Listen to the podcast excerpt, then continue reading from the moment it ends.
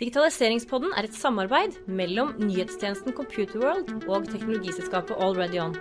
AlreadyOn utvikler hårete applikasjoner i skyen med agil metodikk for ambisiøse kunder. Velkommen til Digitaliseringspodden.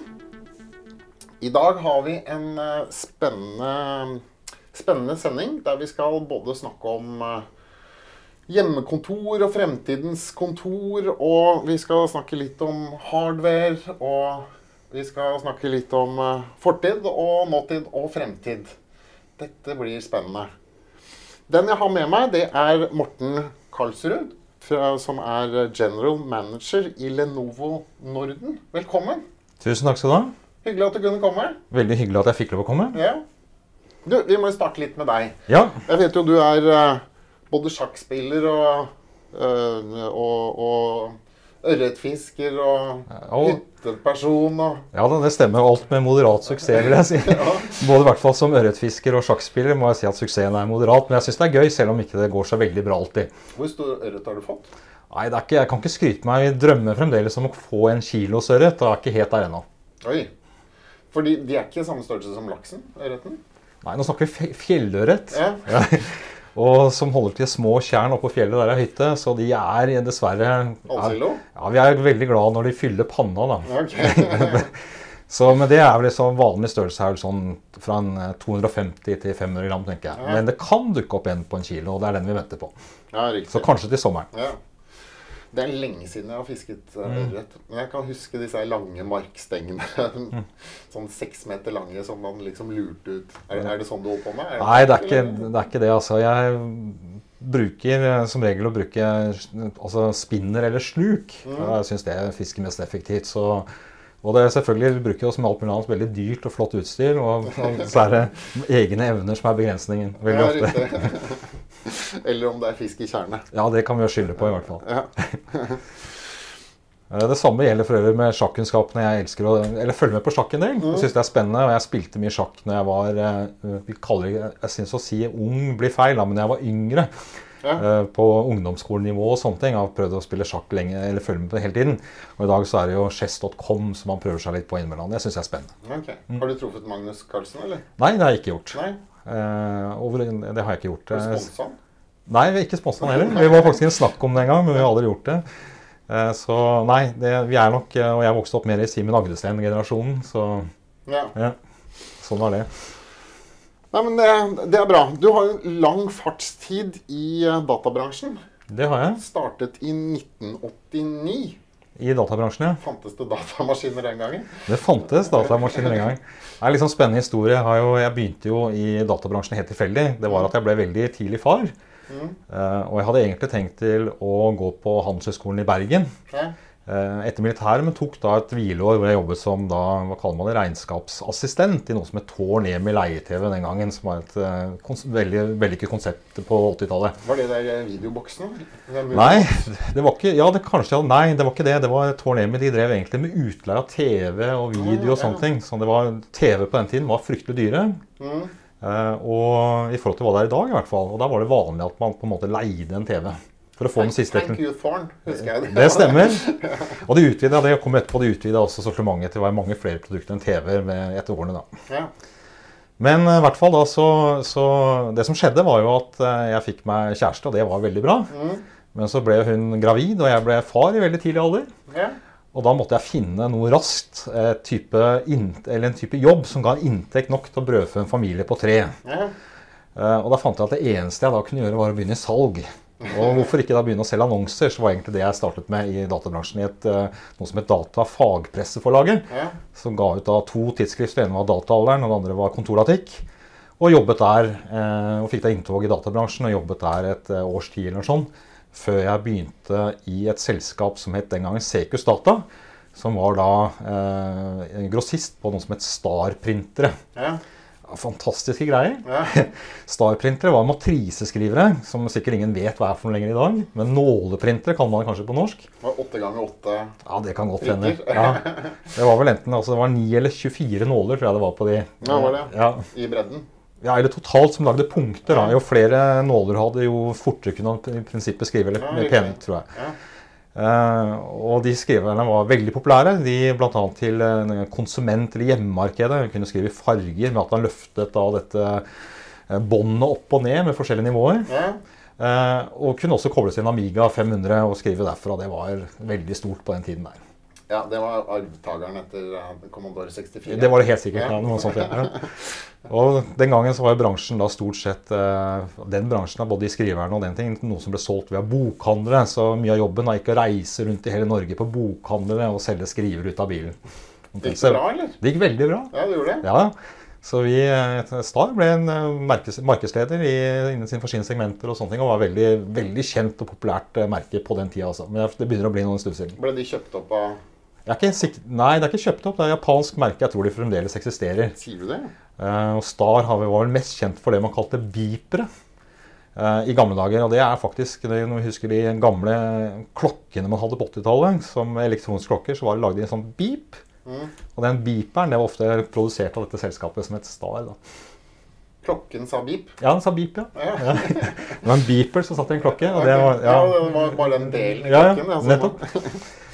Morsomt. Så jeg jobbet der i en, eh, eh, syv-åtte år, syv år tror jeg, før jeg da begynte i HP. eh, Og ble da produktsjef for blekkskrivere og skannere og etter hvert digitalkameraer. Ja. Så det var en veldig spennende og flott periode. Så, og da jobbet jeg i, i Håpe jeg jobbet i 15 år, og litt, men primært da inn på konsumentmarkedet. Ja. Ja. Og så med en tur liten innom NetCom, og så En liten tur innom Netcom var også veldig spennende. Eh, og så har jeg jobbet i Lenovo. og Det er, tiden går fort. altså I snart ti år har jeg jobbet i Lenovo nå. Lenova er jo, eh, er jo en spe spennende bedrift. Og mange har jo, kjenner jo Lenova gjennom forbrukerprodukter Mhm. og proffprodukter som ThinkPad. Ja. Ja. ja, det var liksom sånn at når man, eh, når man startet i Lenovo da, eller for ti år siden, så, så var det da en, en, en stund, en, en god del år siden, da Lenovo hadde tatt over eh, IBMs PC-linje. Eh, Men man måtte fremdeles da si at eh, Lenovo det hadde man kanskje ikke så mye kunnskap om, men hvis du sa ThinkPad, så visste alle hva det var for noe. Og heldigvis har jeg beholdt den arven, da, så, så Lenovo eh, har jo i dag også ThinkPads. Mm. Eh, men også veldig kjent for nå sine konsumentprodukter og alt mulig annet som ligger i porteføljen, som har blitt veldig bred. Len Lenovo er jo verdens største PC-produsent. Eh, veldig suksessfull i verden, i, i Europa, også i Norden, hvor vi, vi slåss om å være på førsteplass fra kvartal til kvartal. Ja. Mm. Jeg, jeg, jeg googlet uh, Lenovo og fant ut at det var 2005 som, uh, som uh, IBM solgte den produktlinjen da, til, Ja. til Lenovo. Jeg var jo i IT-bransjen selv. Jeg jobbet jo noe som het Computerland den Ja. gangen. Da husker jeg nei, Lenovo greier ikke å uttale navnet engang. Det var en dårlig idé. Og hvor, hvordan i all verden kunne IBM selge liksom arvegullet sitt? For det Mm. var jo, det var jo PC-en liksom som IBM var mest kjent for. Absolutt. Ja. Tror du det var riktig å selge Helt sikkert riktig av eh, IBM å gjøre det. De solgte jo sin server, noen av serverlinjene våre til oss senere. Så eh, helt sikkert riktig. Og IBM har funnet sin nisje i markedet, vi har funnet vår. ja. Og det må jo sies at dette har vært ekstremt suksessfull. At, eh, at man har da gjort eh, Lenovo om til et eh, og det er virkelig et globalt selskap. Og eh, er veldig imponert over måten man har gjort dette på. Mm. Eh, og på en måte viderefører også arven etter IBM på en veldig god måte. Ja. Og Det er en av de få selskapene som faktisk er virkelig globale, hvor man, også verdensledelsen består av mange forskjellige nasjonaliteter, ikke nødvendigvis bare én eller noen få. Så det er imponerende hva man har fått til. Er det hovedkontor i Hongkong? Det er ett i hovedkontoret i Beijing, Ja. og ett i USA, i Raleigh, eller Riley, litt avhengig av hvem som uttaler det. Ja, riktig. Mm. Men Beijing, er ikke det sånn tradisjonelt Kina? Shanghai er jo typisk high-tech-Kina. Det kan du godt si, men det er jo utrolig mye industri som foregår i, i Beijing, og det er vel naturlig at vi har hovedkontoret der. Har du vært der, eller? Ja, det har jeg vært der flere ganger. Ja. Og hva, hva er språket der? Er, går det på mandarin, eller er det Vel, det er, vel, altså det er vel som det kommer til et norsk hovedkontor, så er jo språket primært drevet av, av, av altså De fleste, veldig mange snakker norsk der, men også engelsk, og sånn er det også i Beijing. ja. Så veldig, veldig relevant og enkelt å, å være der og, og også snakke engelsk. Og der har det imponerende sites hvor man har utviklingssentre, forskningsstasjoner osv. Veldig spennende. Vi har med en del kunder hit, og de blir alle veldig imponert. Kult. Mm. Jeg, jeg, har um, IBM i sin tid og, tok jo, og det har jeg fremdeles ennå, hadde jo veldig mye patenter som de utviklet. Driver Lenovo med det samme, eller? Lenovo driver med det samme. Vi eh, har veldig mange patenter, og hvis du ser også, så får vi også veldig mange priser hvert eneste år. Det var en messe i Las Vegas som heter CS, Mm. som, heter, som da på norsk blir Consumer Electronic Show eller noe sånt. Ja. Eh, og Der får Lenovo alltid flest priser for innovasjon og nye produkter osv. Mange titalls priser hvert eneste år. Ja, har du noen eksempler på noen gode oppfinnelser som Lenovo har gjort? Og som vi kanskje har sett, eller kommer til å se? Ja, nå, nå spør du litt vanskelig, men det er mange nye gode oppfinnelser som man gjør bl.a. På, på en PC, tablet, også industri, eh, vår osv. Eh, vi lagde en helt ny tablet for noen år tilbake med en spesiell fot og sånne ting, som fikk mange priser. Eh, nå har vi kommet med en foldbar PC, som er et eksempel. Vi har også kommet med en foldbar mobiltelefon. Vi var først ute med det. Er det skjermen foldbar, da? Da er skjermen foldbar. Det har vært mye sånn spekulasjon. Det er ikke så mange som har holdt igjen Jeg har sett de telefonene som du kan mm. folde. Mm.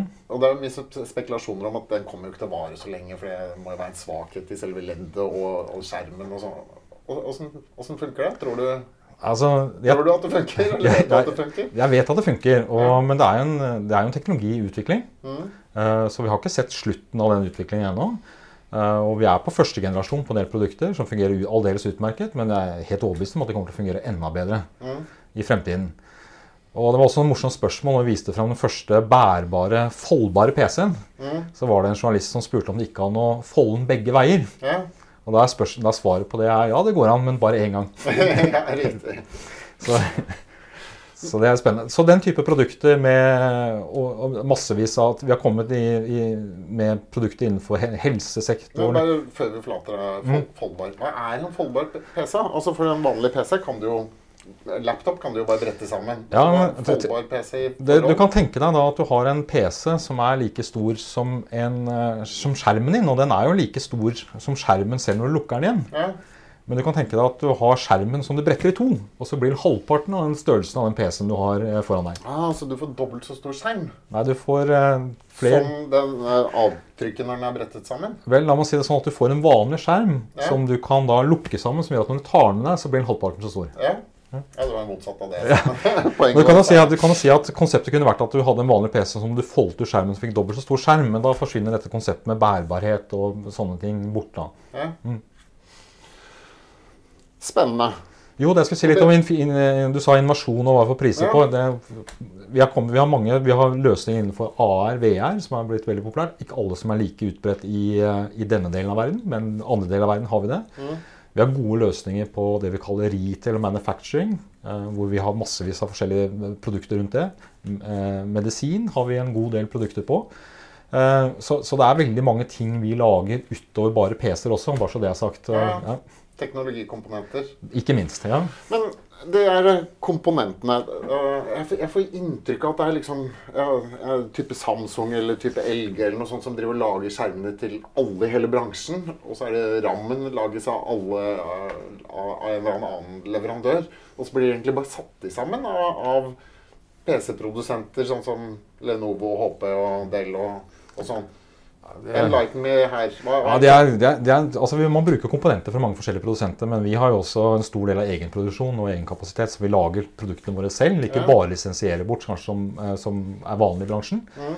Eh, Så dette er en, på en måte en, et samarbeid mellom mange forskjellige produsenter, hvor, eh, hvor man også da på en måte skreddersyr også de skjermene vi bruker og de komponentene vi bruker til de ønskene vi har. Så det er ikke helt sånn at du, du bare bestiller noen PC et eller annet sted, og så har man ikke med på den prosessen selv. Snarere tvert imot.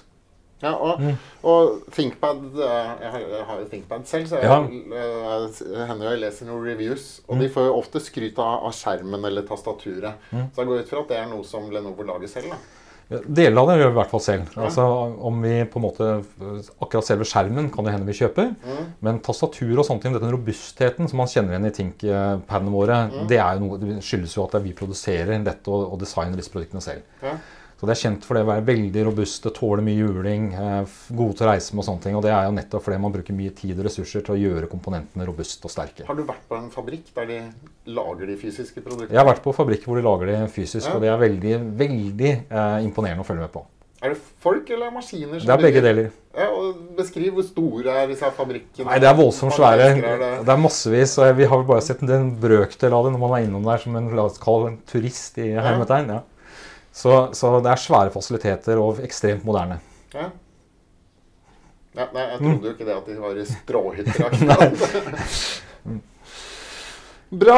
Du, vi skal snakke litt sånn om fremtidens kontor. For det henger jo litt sammen med arbeidsverktøy som man bruker. Enten det er en mobiltelefon eller en, en PC.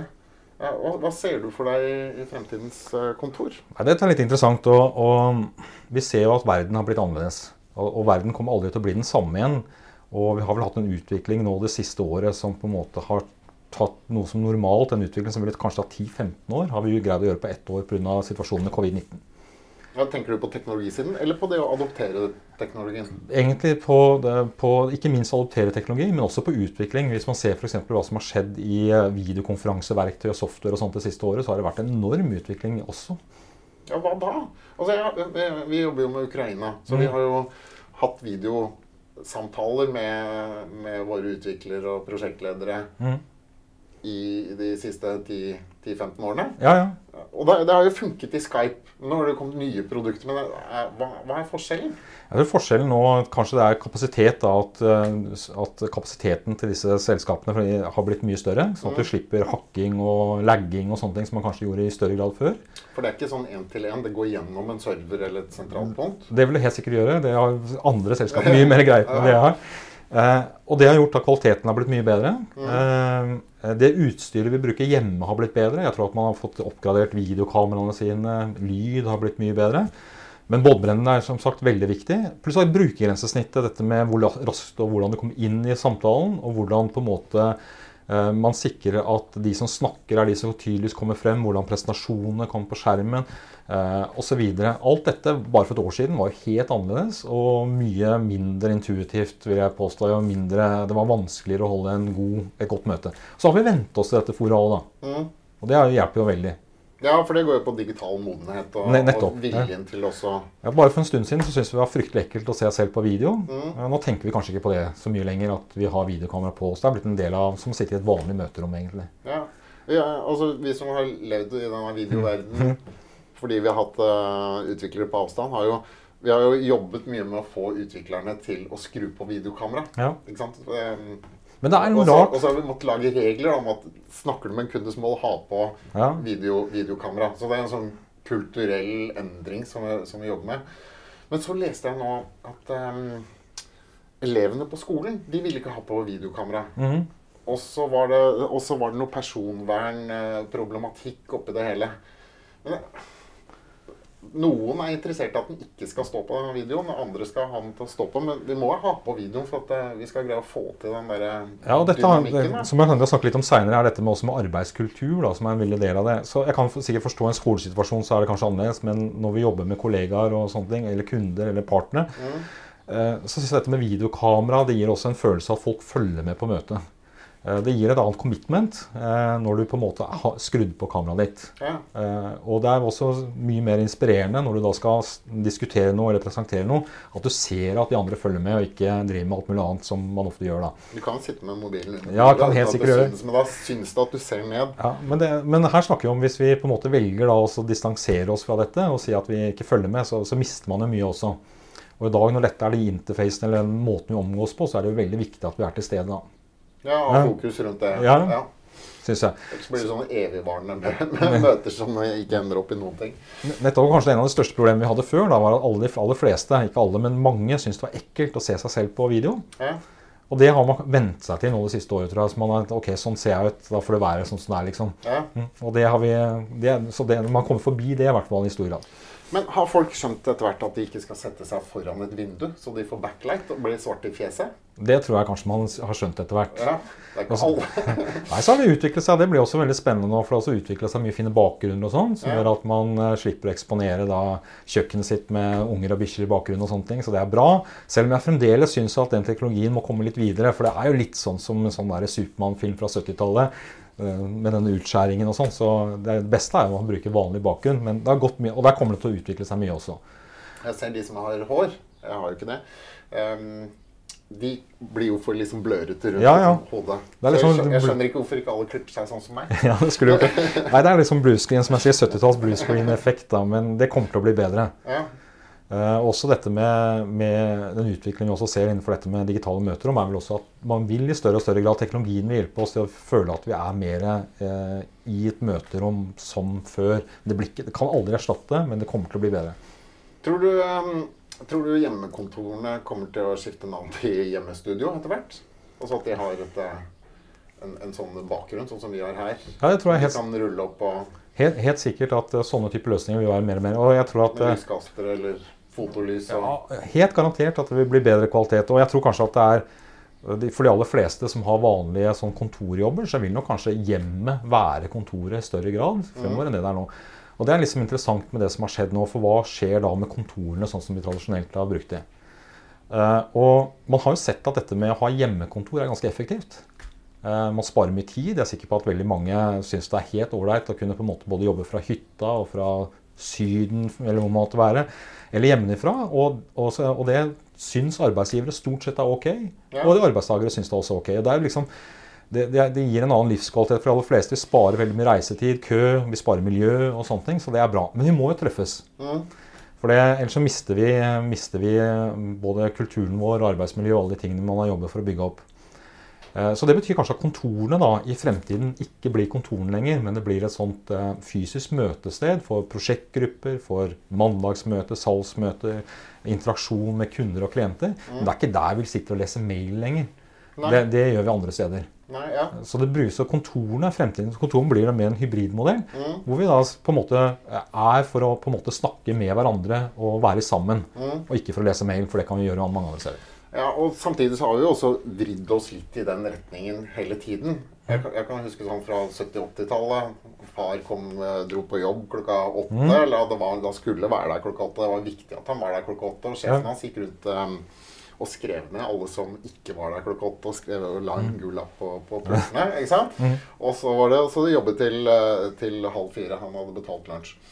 Uh, så, så, og da dro alle halv fire. Var ikke noe det var ikke, var ikke noe slack liksom der. Det var ikke noen som satt der til Var du der klokka fire, så var det tomt. Ja, ja.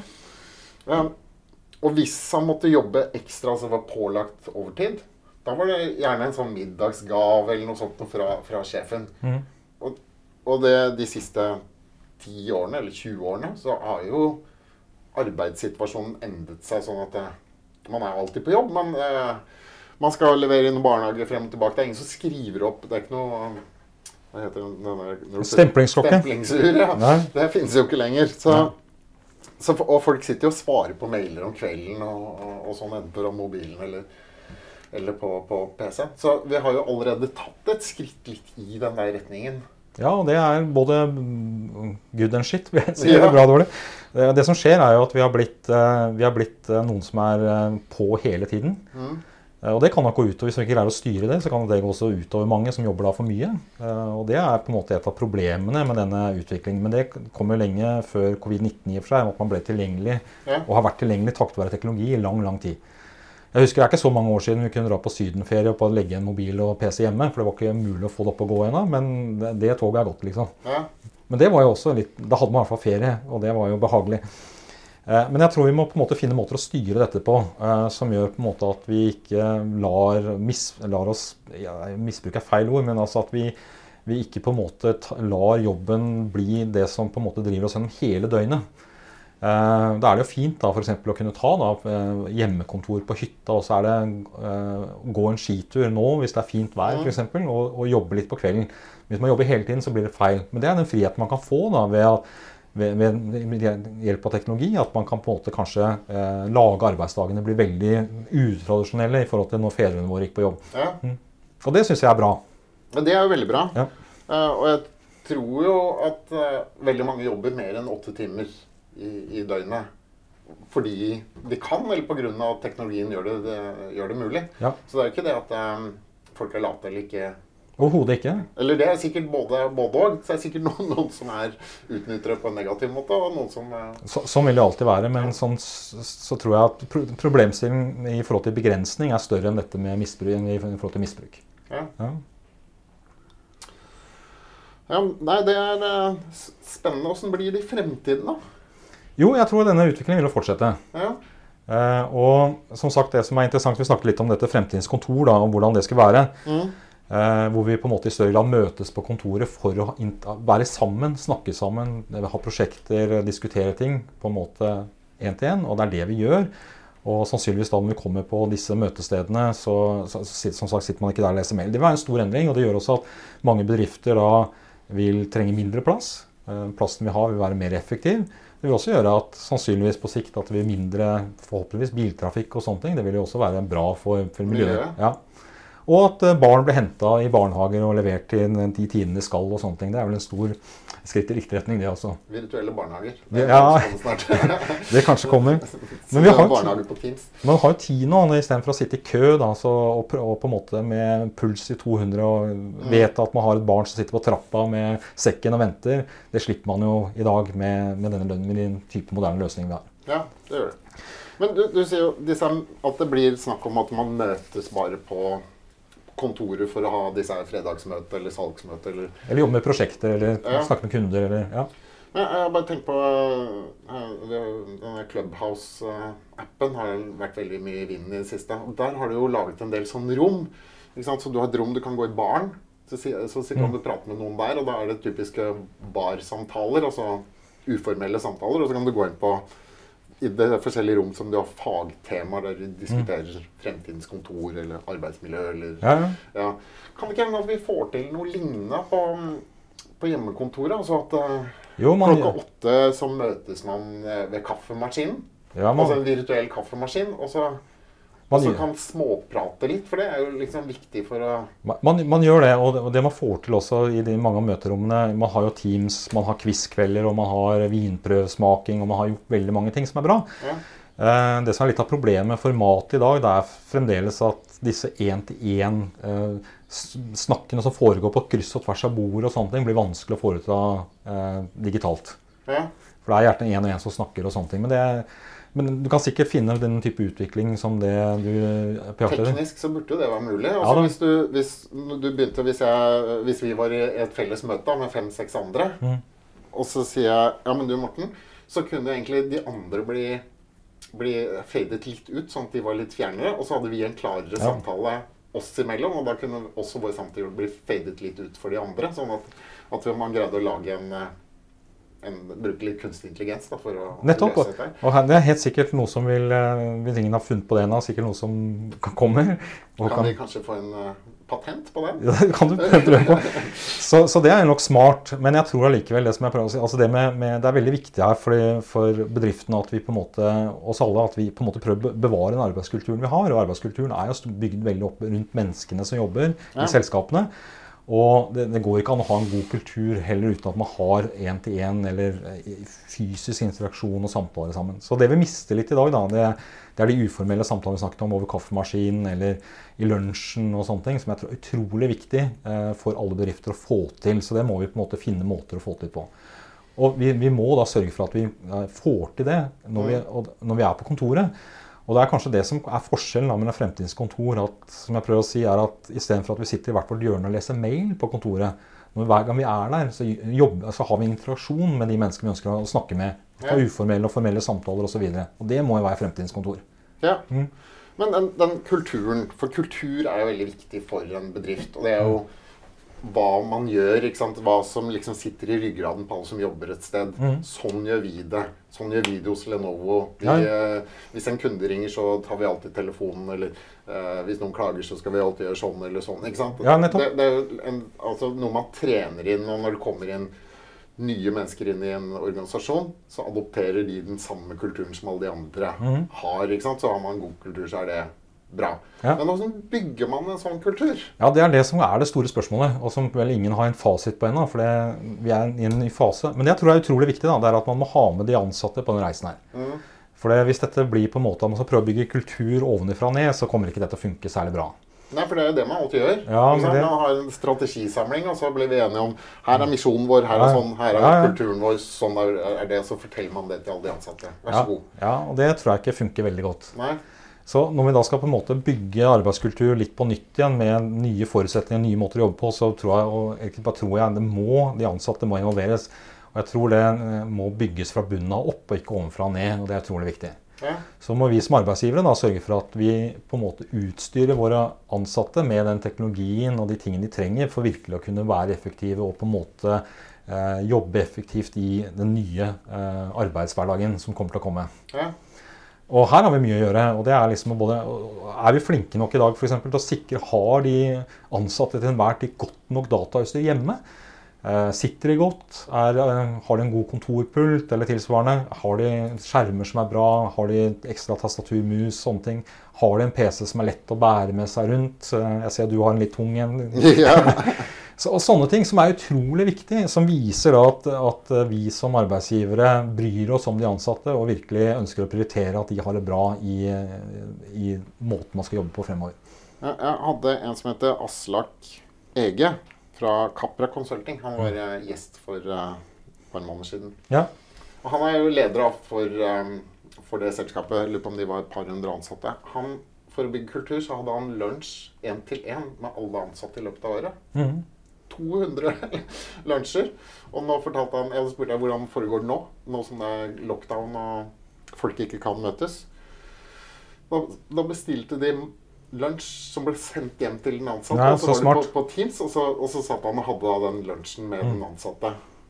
Og det er jo det er jo nesten en fulltidsjobb. Det, det Ja. å kjøre Men det er utrolig- 200 lunsjer i, i året. Utrolig smart og godt uh, initiativ, vil jeg si. Ja.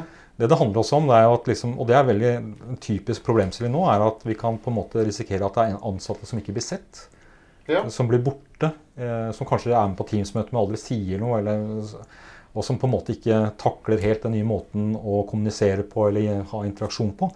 Og dette er jo et tiltak da i så fall som ville vært uh, veldig verdifullt i mange sammenhenger, hvor på en måte da sjefen, eller til og med sjefen til sjefen til sjefen, tar kontakt og hører åssen det går, om det går bra, får tilbakemeldinger og sånne ting. Så det er, veldig, det er et utrolig godt initiativ, vil jeg si, som vi sikkert mange av oss kan lære noe av. Men du er jo generalmanager i Lenovo Norden. Mhm. Så du har ganske mange som rapporterer til deg gjennom andre, går jeg ut fra. Ja, det stemmer. Og du har sikkert tenkt gjennom litt hvordan, hvordan skal jeg være sjef nå som, nå som ikke treffer folk? Ja, Har du, har du laget noen systemer eller noe Jeg kunne sikkert lagd mye bedre systemer, og nå er vi jo litt, litt situasjonen litt sånn som man kanskje var vant til, i og med at når du har Norden eh, som et arbeidsområde, så er du ikke på kontoret hele tida. I de landene, mange av landene i hvert fall. mm. Eh, så det er på en måte å prøve å ha en tettere oppfølging enn før, er i hvert fall det som jeg har prøvd. ja, Men har du sånn én-til-én med alle ansatte i Nei, Norge, jeg, for eksempel? jeg har ikke det. Heldigvis. heldigvis altså, en av de tingene jeg føler jeg har vært god på i livet, å, å, eller arbeidslivet, er å plukke ut gode ledere. Mm. Og jeg stoler jo på at de på en måte sørger for at dette blir ivaretatt på en god måte, og det gjør de. Ja. Eh, men jeg prøver i hvert fall i å ha tettere dialog med de som rapporterer til meg. Og vi prøver også å ha tettere dialog med, med, i forhold til forretningstall og utvikling i landene, så vi forstår bedre hva som skjer når vi ikke kommer like raskt ut til eh, landene og forstår det et, Ja. raskere. Og også snakke med flere kunder og partnere enn det vi har gjort noen gang før. For å være helt sikker på at de er fornøyd, eller at vi har forstått hvilke problemstillinger man står overfor. og sånne ting. Og kommunikasjon er jo en suksessfaktor i, i både salg og, Ja. og, og, og ledelse. Men det, det er jo en mye større utfordring å være leder nå når ingen er på kontoret enn enn tidligere. Det er helt, helt riktig. og det er jo ikke minst det, en, det må jo være Den største utfordringen må jo nesten være for de ansatte, som savner miljøet de er i, og sånne ting, og ikke minst å få tydelig og god tilbakemelding fra sjefen sin på en daglig, daglig basis. og sånne ting. Men det virker som at man har vent seg til det, men jeg håper jo ikke det varer fryktelig mye lenger. da. Nei. Men det krever mer. Det som er det aller viktigste, er å sørge for at alle blir sett. Det er det som på en måte er den største utfordringen vi har i, i, med, med den situasjonen vi har nå. Når tror du vi kan gå tilbake på jobb? Jeg tror vi kan gå tilbake på jobb i sommer. Tror du det? Mm. Eller la meg si, jeg håper det. Dette må jo helsemyndighetene finne ut av. Men man kan jo håpe at vi er vaksinert av, og at eh, det har funka. Jeg tror det blir høsten, jeg, altså. Så kommer det en ny mutasjon, mut, mut, Mm. Ja, det- mutasjon og så Ja, jeg sa jeg håper. ja. Eh, Men høsten tror jeg på. ja, jeg, man savner jo det. Man savner jo tror jeg, jeg reiser fryktelig mye. Og jeg har vel sagt mange ganger at jeg syns det er for skikkelig mas. Og stå opp klokka halv fem for å rekke fly til København klokka seks og sånne ting. Men Og tilbake samme dag. tilbake samme dag og alt det greiene der. Men merkelig nok, når det går et år, så begynner man å savne det. Og det man savner kanskje ikke er å stå opp så tidlig og den flyturen, men det er å få lov til å snakke med ansatte, med kunder, med partene osv. Føle stemningen på et nytt Føle stemningen og nettopp å og, og være med. Ja. Og nå, Man er fort gjort å ikke være med på samme måte når man på en måte ikke har den samme type interaksjon. Jeg har jo bare tenkt på, Siden vi har mesteparten av utviklerne i Ukraina, så har vi tenkt på om vi skulle satt opp en videosamtale som står oppe hele tiden. Og så sette den opp på en storskjerm. Sånn at hvis noen går forbi med en kaffekopp, så kan vi si ja, hei. ikke sant? Og så, Sånn at du greide å knytte to kontorer sammen. Har du hørt om noen som har prøvd noe sånt? Nei. Nei? Det høres ut som en spennende idé i og for seg. Litt sånn eh, Ja. Det er verdt å prøve, kanskje. Ja, ja det kan jo hende at det, at det går. Altså, for da, da får du jo den derre Du ser hvem som kommer på jobb et Ja. annet sted. Ja. Ja. Det gjør det.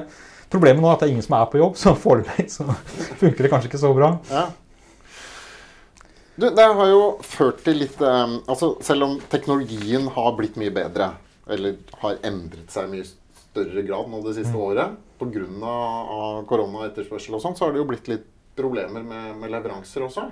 Vil du fortelle litt om, om det? Det kan jeg godt fortelle litt om. Det er, eh, det er jo spennende, da, for det, takket være covid-19 så har liksom etterspørselen etter datautstyr og elektronikk generelt har gått helt i taket. Ja. Som gjør at eh, det er ekstrem etterspørsel i hele verden etter våre bare PC-er og alt mulig andre greier og dingser. Mm. Og det har gjort at, eh, at man har ikke greid å følge produksjonen har ikke greid å være samme takt som etterspørselen. Og det har gjort at man har eh, store leveringsproblemer på, i hele verden. Og det er ikke bare det at man nå har sett etterspørsel etter PC gå gjennom taket. Men hvis du ser eh, i dag, så vil du se at hvis du kjøper en brødrister, så er det jo skjerm og wifi-tilkobling. Ja. Som gjør at du kan toaste i bilen på vei hjem, f.eks. Hvis jeg har gjort det klart. Og det er klart at alle disse tingene her, det er jo en type datakomponenter som vi også trenger i andre produkter, som nå på en måte man konkurrerer om. da. Mm. Eh, største utfordringen har kanskje vært skjermer.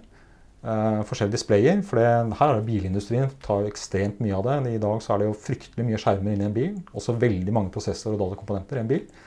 Uh, men også alt innenfor de forskjellige appliance, uh, hvitevarer osv. som tar dette her. Og det har gjort at, og at eh, covid-19 førte også til redusert produksjonskapasitet i store deler av året. Og det, alt dette har gjort at vi er på etterskudd i stor grad. ja. Så Internet of Things har bare Det, det tar helt av. absorbert av det alle disse komponentene som trengs. Det har det, og det kommer til å fortsette med jeg kan snakke litt om 5G etter hvert, men det kommer til å fortsette Ja. med smarte hjem, og hvor vi kobler alt mulig rart både på hytta og eh, hjemme og til internettet. Ja, Du sa skjerm på brødristeren. Jeg har ikke sett det, men jeg har sett skjerm på, på kjøleskapet. Ja. Jeg har hørt en litt artig historie med Det var selvfølgelig fra USA. Og en jente som drev og tvitret, og så fikk hun ikke lov til det av foreldrene sine, for hun skrev mye rart som de ikke likte. Så de hadde sperret av Twitter på PC-en hennes og mobiltelefonen og sånn i nettverket. Så oppdaget de at hun tvitret allikevel. Da hadde hun greid å tvitre gjennom kjøleskapet. Wow! Det er litt morsomt, da. Ja, Det er spennende. Men, men ja, Kanskje brødriste var litt å trekke langt, men det er nesten ingenting du ikke kan koble til internett lenger. Og klart at alle disse tingene også vil jo ta kapasitet. Mm. Uh, og det også krever jo altså En annen ting er at det begynner å bli kritisk da, hvis man har overvåkningssystemer, alarmer og alt mulig andre ting. Og hvis da wifi går ned, hva gjør du da, liksom?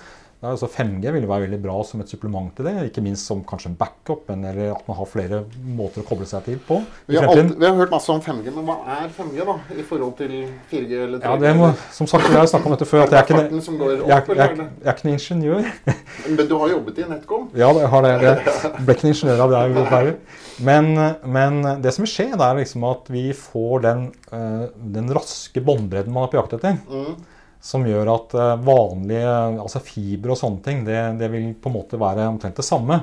Som gjør at du, den farten du er vant til å ha på ditt hjemmenettverk eller på jobben, den har du via mobilen eh, nå.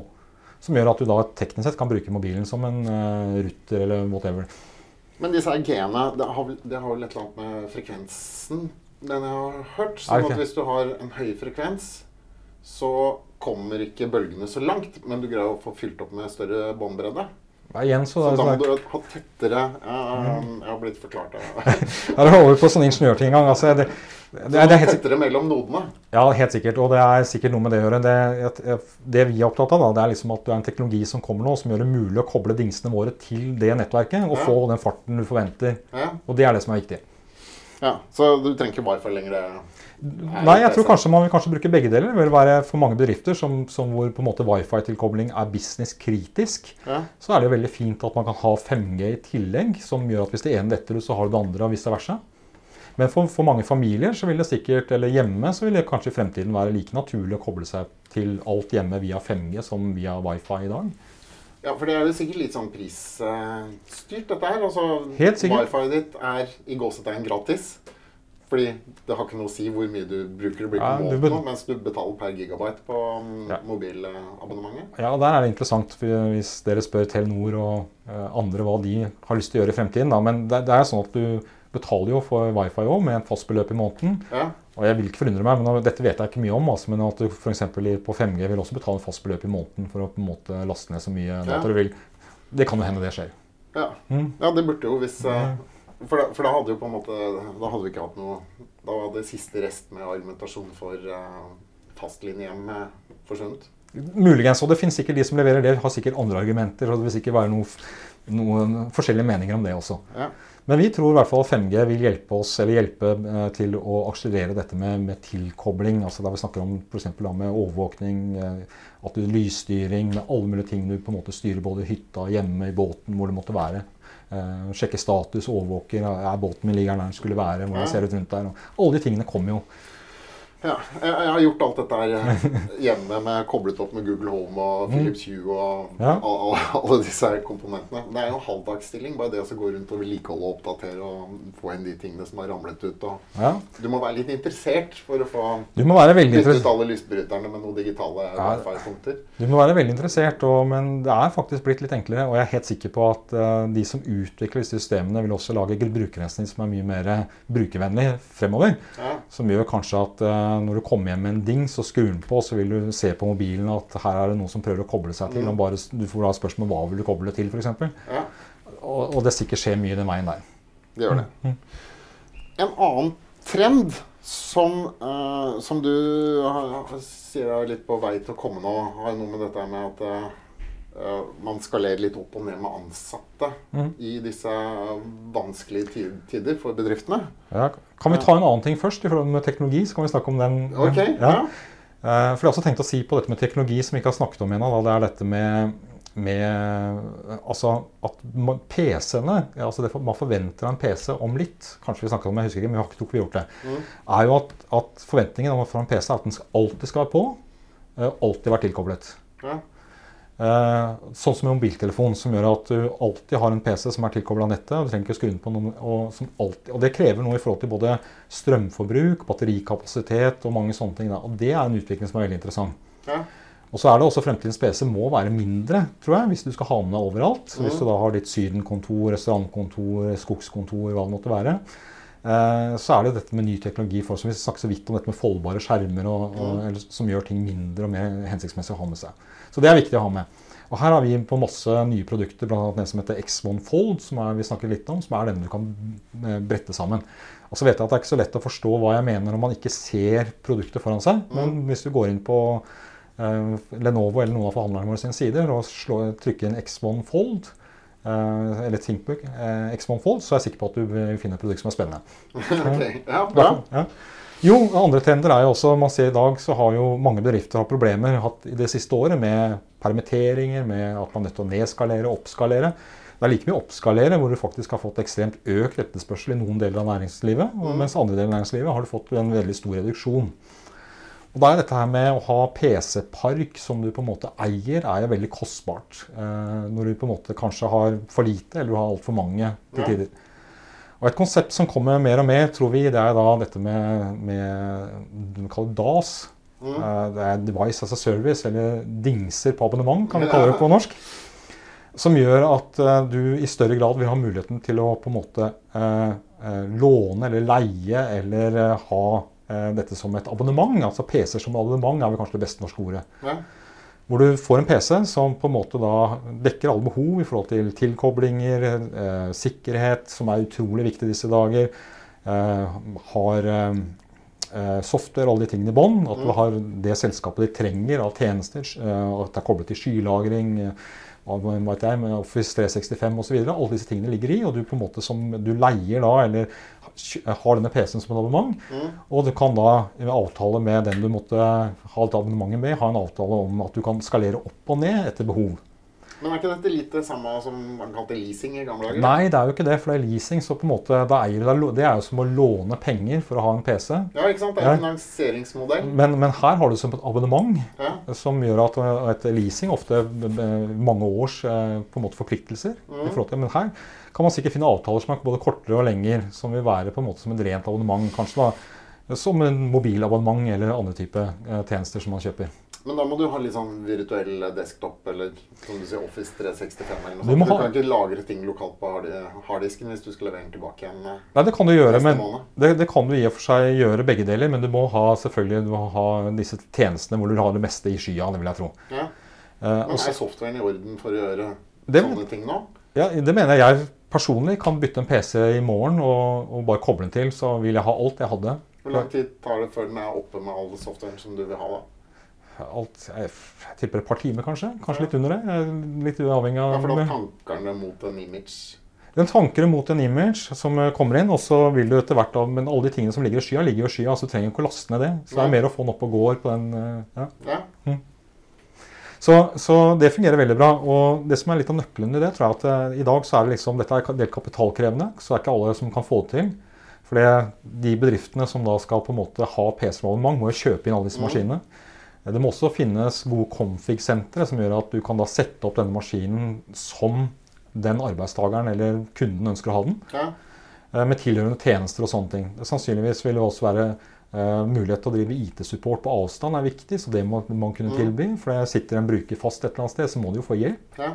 Så alle tingene her må jo bakes Det betyr at de som vil lykkes med dette, må jo ha kapital, og de må også ha config-senter og god tilgjengelig IT-support. jeg si. Men de, jeg tror det kommer veldig.